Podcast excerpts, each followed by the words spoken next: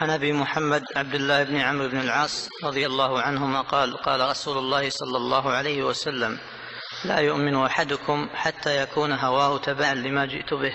حديث صحيح رويناه في كتاب الحجة بإسناد صحيح. هذا الحديث عن عبد الله بن عمرو بن العاص رضي الله عنهما أن النبي صلى الله عليه وسلم قال لا يؤمن أحدكم. هذا نفي.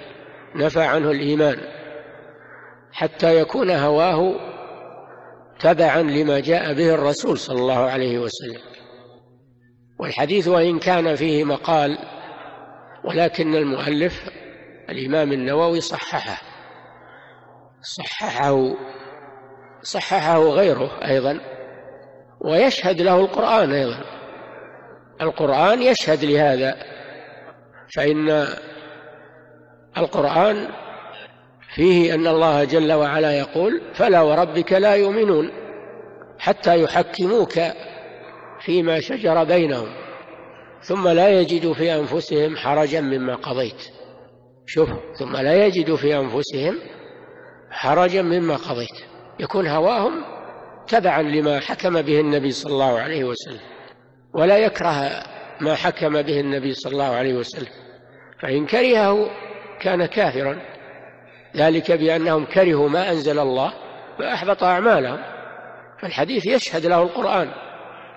ومعنى هذا أن الإنسان يسلم يسلم لله ولرسوله ولا يعترض أو يكره ما جاء عن الله ورسوله. ولو كان فيه مشقة على نفسه يصبر ويعلم أن هذا هو عين الصلاح والخير له.